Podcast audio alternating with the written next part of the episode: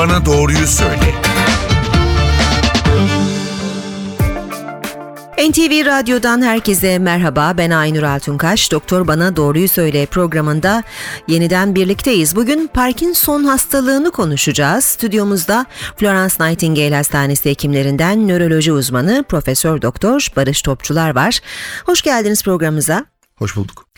Parkinson'u daha çok erkekleri tehdit eden ve yaşlılık hastalığı olarak biliyoruz. Gerçekten öyle mi? Bunun cevabını alayım önce. Evet erkeklerde biraz daha sık olduğu doğru çalışmalarda. Ayrıca yaşla beraber de özellikle 65 yaşından sonra görülme sıklığı biraz daha artıyor. Ama artık 20-30 yaşlardan itibaren bile görebiliyoruz.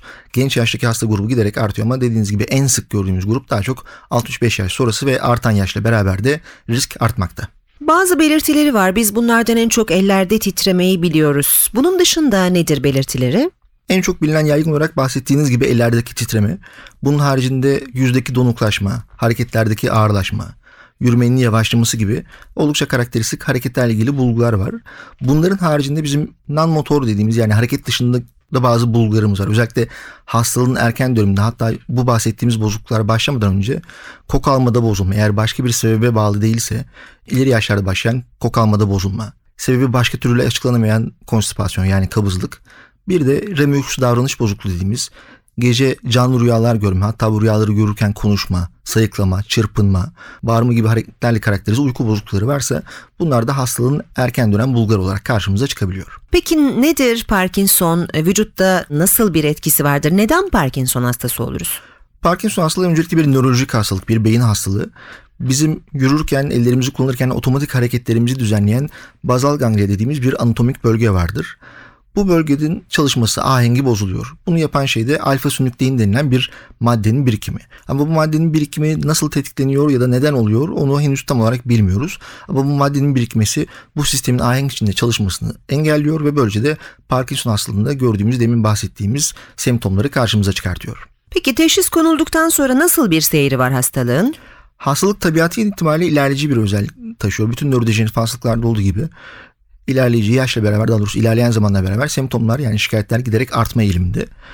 İlaç tedavisinde yaptığımız şey hem şikayetleri azaltmak hem de bir miktar koruyucu bir tedavi sağlamak. Bu şekilde hem ilerlemesine karşı belli bir koruma sağlıyoruz hem de hastaların şikayetlerini azaltarak hareketlerini kolaylaştırıyoruz. İlaç kullanmazsak ne olur? Yani örneğin ömrü kısaltan bir hastalık mıdır? Hastalığın kendisi doğrudan ömrü kısaltmıyor ancak hareketlerimizi kısıtladığı için düşme riskimiz ya da enfeksiyonlara meyil giderek artıyor. Eğer müdahale etmezsek hem giderek şikayetlerimiz artacak hem de hareketlerle ilgili bozukluklar dolayısıyla örneğin düşme dolayısıyla çeşitli kazalara sebep olabilir ve bu şekilde problemler yaşayabiliriz ama kendisi doğrudan hastalık doğrudan yaşam beklentisini kısaltan bir hastalık değil. Genetik geçişli midir? Genetik grup ufak bir grup. Bizim ülkemizde 65 yaş sonrası için sıklık yaklaşık %1 gibidir. Ülkemizde de yaklaşık 150 ila 200 bin civarında Parkinson hastası olduğu düşünülüyor. Bunların büyük bir çoğunluğu bizim sporadik dediğimiz yani genetik özelliklerden bağımsız olarak çıkan olgulardır. Hep sorulan şeylerden bir tanesi ailemizde varsa bizde de olur mu? Riskiniz sadece biraz daha artıyor. 65 yaş sonrası için riskimiz %1-2 gibi demiştik. Ailenizde varsa %1-2 yerine %2-3 gibi oluyor. Bunun dışında bir de ailevi yani genetik formlar var. Bunlar daha erken 30'lu 40'lı yaşlarda başlayan bir Parkinson hastalığı tablosudur. Burada da baktığımız zaten geriye yönelik olarak birkaç kuşak boyunca Parkinson hastalığını öğreniriz ve onların seyri klasik hastalıktan biraz daha farklıdır. Peki başta artık daha genç yaşlarda da görüyoruz Parkinson dediniz. Bunu neye bağlıyorsunuz? Bu biraz çevresel faktörler, biraz da yaşam tarzımız sanırım. Hem bizim ülkemizde olsun hem genellikle Avrupa ya da Kuzey Amerika'ya baktığımızda spor alışkanlığımız sınırlı. Genellikle biraz daha pasif bir hayat tarzını kendimize adıyoruz. Beslenmemiz çok ideal değil. İdeal değil derken koruyucu maddelerin riskimizi artırdığı biliniyor. Ne kadar doğal beslenirsek, örneğin hep bahsettiğimiz Akdeniz tipi diyet. Ama burada da tabii ki aldığımız şeylerin mutlaka doğal ürünler olması gerekiyor. Biraz daha beyaz etten zengin beslenirsek, eğer meyve ve sebze ve bunların çeşitlerinden zengin beslenirsek riskimiz azalıyor. Ama ne kadar hazır gıda kullanırsanız, ne kadar pasif hayat tarzını benimserseniz yani spordan uzak durursunuz ve ne kadar gazlı içecek fazla tüketiyorsanız riskimiz o kadar ne yazık ki artıyor. Şimdi aslında bu saydıklarınız birçok hastalığa yakalanmamak için yaptığımız şeyler, yaşam kalitesini de uzatan şeyler aslında. Çok doğru yani bu söylediğimiz sadece Parkinson için değil bizim bütün nörolojik hastalıklar için. Mesela aynı şeyi Alzheimer için de söylüyoruz. Beyin damar hastalıkları için de söylüyoruz. Sizin dediğiniz gibi diyabet için de kalp damar hastalıkları için de esasında temel yapılması gereken şeylerden bir tanesi biraz fiziksel aktivite ve biraz da beslenmemize dikkat etmemiz.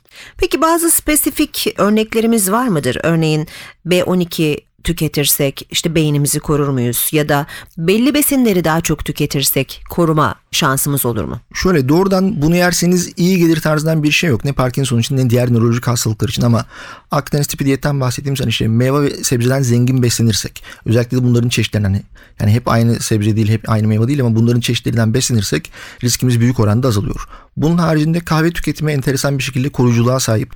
Özellikle Türk kahvesi, espresso bu konuda en etkilileri. Günde 2 ya da 3 tane aşmamak kaydıyla ve tabii ki gündeki 3 taneyi de başka bir sebeple kısıtlamamız yoksa kardiyolojik ya da gözle ilgili bir problem dolayısıyla kahveye karşı bir kısıtlamamız yoksa bunları kullandığımızda riskimiz azalıyor. Hatta hastalığımız varsa da seyir bir miktar yavaşlıyor. Ama hazır kahvelerden falan bahsetmiyoruz. tabii. Kesinlikle içinde koruyucu olan her şeyden uzak durmamız gerekiyor. Hazır kahveler de buna dahil.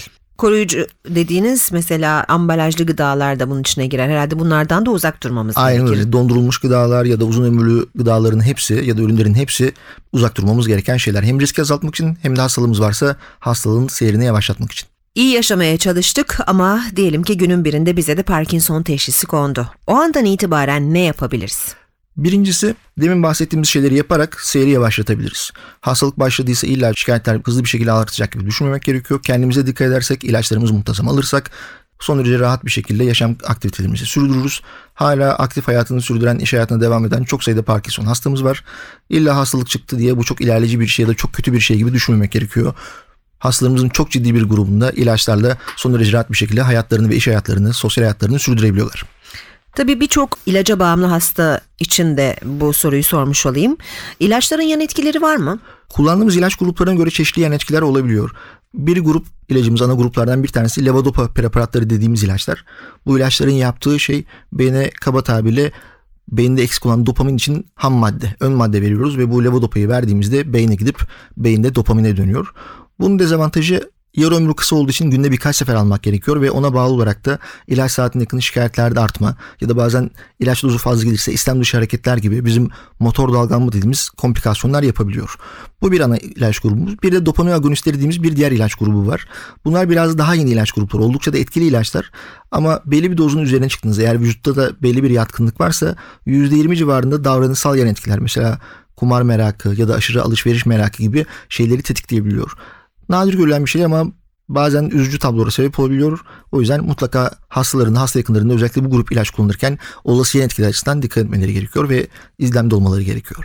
İlacın yanı sıra cerrahi bir müdahale söz konusu mu bu hastalıkta? Mesela beyin pili de tabii çok yaygın dünyada konuşuluyor artık. Aynen öyle. Bizim ülkemizde de dünya genelinde sık kullanılan yöntemlerden bir tanesi. Bizim merkezimizde de biz uzun zamandan beri bu protokolü uyguluyoruz. Ama şunu da söyleyeyim bir defa her hastaya her zaman beyin pili demiyoruz.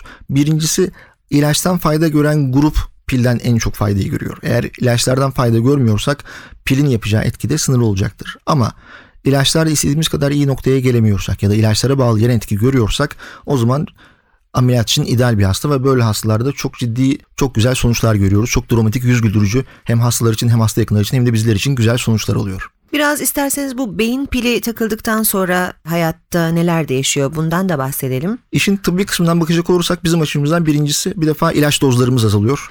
Hastalar yaklaşık %30 ila 40 oranında mevcut dozları azaltabiliyoruz. Hatta bütün hastaların geneline de baktığımızda yaklaşık 4 ila 5'te bir hasta tamamen ilaçsız hale gelebiliyor. Artı yürümemiz çok daha rahat oluyor. Titremeye etkisi çok çok mucizevi bir şekilde iyi. Titremeniz tamamen ortadan kayboluyor ve hareketler çok ciddi bir şekilde rahatlıyor. Herkese takılabiliyor mu beyin pili? Klasik Parkinson hastalığında genellikle esasında belli bir seviyenin üstündeysek öneriyoruz ve yüz güldürücü sonuçlar oluyor. Orada dikkat etmemiz gereken şeylerden bir tanesi bir de bizim Parkinson Plus dediğimiz kabadayıyla Parkinson hastalığının kardeş çocuğu bir Parkinsonizm tablosu vardır. Onların mekanizması biraz daha farklı olduğu için bunlarda cerrahi önermiyoruz çünkü fayda olmuyor ama klasik Parkinson hastalığı ve ilaçlarda istediğimiz performans alamıyorsak ya da ilaçlara bağlı yan etki görüyorsak o zaman cerrahi için son derece iyi bir aday demektir. Dinleyenlerimize hatırlatalım Parkinson hastalığını Florence Nightingale Hastanesi hekimlerinden nöroloji uzmanı Profesör Doktor Barış Topçular'la konuşuyoruz. Şimdi ülkemizde de çok sayıda Parkinson hastası olduğundan bahsettik yaklaşık 150 bin civarında ve bu kişilerin aileleri de var. Ebeveyni Parkinson hastası olanların birçok sorusu oluyor. Örneğin titremeyi nasıl azaltabilirim, depresif durumlarını işte annemin ya da babamın nasıl kontrol edebilirim gibi. Bu ailelere neler söyleyebilirsiniz? Birincisi Parkinson Derneği bu konuda son derece aktif çalışıyor. Hem akıllarına takılan sorular hastalıkla ilgili olsun, ilaçlarla ilgili olsun, hasta bakımı ile ilgili olsun. Oradan mutlaka destek alabilirler. Gerek bireysel olarak başvurarak gerekse internet sitesinden faydalı bilgiler alarak. İkincisi titreme ve benzeri şeyler için birincisi aklımızda tutacağımız şeylerden bir tanesi ister Parkinson'daki titreme olsun ister diğer tipteki titremeler olsun. Açlık, uykusuzluk, araya giren enfeksiyonlar, stresli dönemler, Demin bahsettik kahve mesela. Kahvede aşırıya kaçmak ya da çayda aşırıya kaçmak titremelerinizi arttırabilir. O yüzden mutlaka tetikleyecek faktörlere dikkat etmek gerekiyor. Yine susuzluk ya da araya giren enfeksiyonlar hastalarda şikayetleri artırır. O yüzden mutlaka enfeksiyonlara dikkat etmemiz gerekiyor. Mutlaka da gün içinde yeteri kadar sıvı almamız gerekiyor. Şimdi tabii dünyada teknolojinin de gelişmesiyle e, tıpta da pek çok başarı sağlandı. Günün birinde Parkinson hastalığının da yok olmasını artık görülmemesini ümit ediyoruz ama henüz bu adım atılmadı. Fakat çok sayıda çalışma da var. Siz de eminim takip ediyorsunuzdur. Dünyada bazı ünlü hastalar da var. Bunlardan en ünlüsü Michael J. Fox sanıyorum. Çok doğru. Ee, onun da öne ayak olduğu bazı çalışmalar var. Biraz bahseder misiniz? Evet Michael J. Fox bizim yaş grubumuzun çok iyi bildiği bir meşhur bir oyuncu biliyorsunuz ve erken başlangıç bir Parkinson hastalığı var kendisinde. Önce medikal tedavi aldı daha sonra cerrahi de yapıldı pil de takıldı ve şu an fena durumda değil. Ama bu esasında güzel de bir oluşuma yol açtı. Çünkü onun da önderliğini yaptığı bir ekiple beraber Michael J. Fox Parkinson Derneği kuruldu Amerika'da. Şu an dünya genelinde en büyük bütçesi olan ve araştırmalara en büyük katkı sağlayan derneklerden bir tanesi. Onun sayesinde hem erken tanıyla alakalı hem tedaviyle alakalı birçok çalışma yapılıyor. Çalışmalardan ve yeni incelemelerden bahsedecek olursak da iki tane şeyden bahsediyorum. Bunlardan bir tanesi erken tanıyla alakalı. Artık biliyoruz ki Hastaların şikayetleri başlamadan yıllarca önce başlıyor Parkinson hastalığı yaklaşık 10-15 yıl kadar ve esasında hastalığın ilk belirtisi, ilk işareti beyinde bizim alfa sinüklein dediğimiz bir maddenin birikimi. Artık bazı özel filmlerle bunu erken dönemde saptama imkanımız var. Tabii ki bu şu an sadece araştırma merkezlerinde araştırma amaçlı kullanılıyor ama tahminimce önümüzdeki 2-3 yıl içinde rutine girecek ve artık Parkinson hastalığını çok daha erken dönemde itibaren tanıyabileceğiz. Bu neden önemli?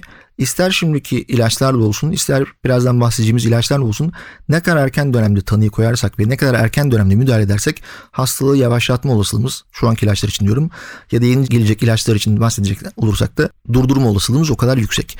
Yeni gelecek ilaçlarda bir grubu şimdi kullandığımız ilaçlar gibi semptomatik dediğimiz hastaların şikayetlerini azaltmaya yönelik. Hareketleri yavaş rahatlatmaya, titremeyi azaltmaya yönelik ilaçlar. Ama daha önemli ve çarpıcı olan ve hepimizin heyecanla bekledikleri esasında gerçek anlamda hastalığı ortadan kaldırmaya, tedavi etmeye yönelik ilaçlar. Burada özellikle demin bahsettiğimiz alfa sinüklein denilen proteinin beyinden temizlenmesine yönelik aşı diye tabir edilen bazı monoklonal antikor bazlı ilaçlar geliştirilmekte ve ön çalışmalara baktığımızda bazılarının sonuçları oldukça yüz güldürücü.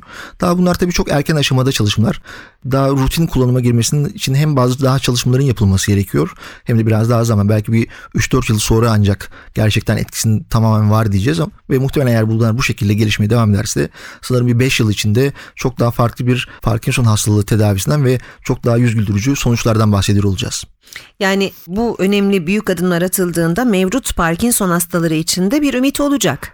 Kesinlikle. İş işten geçmiş olmayacak Yok yani. kesinlikle öyle olmayacak. Umudumuz artık hem şimdiki hastalarımız için uygun müdahaleleri durdurmak hem de yeni gelişmekte olan hastalar için daha belki hiç şikayetleri gelişmeden hastalığı saptayıp hiçbir şikayetleri oluşmadan da hastalığa müdahale edip durdurmak olacak. Peki bu ümidimizi korumaya devam ederek şunu da sorayım. Şu anki imkanlarla bir gen haritamızı çıkarıp Parkinson'a yakalanma riskimiz olup olmadığını öğrenebiliyor muyuz?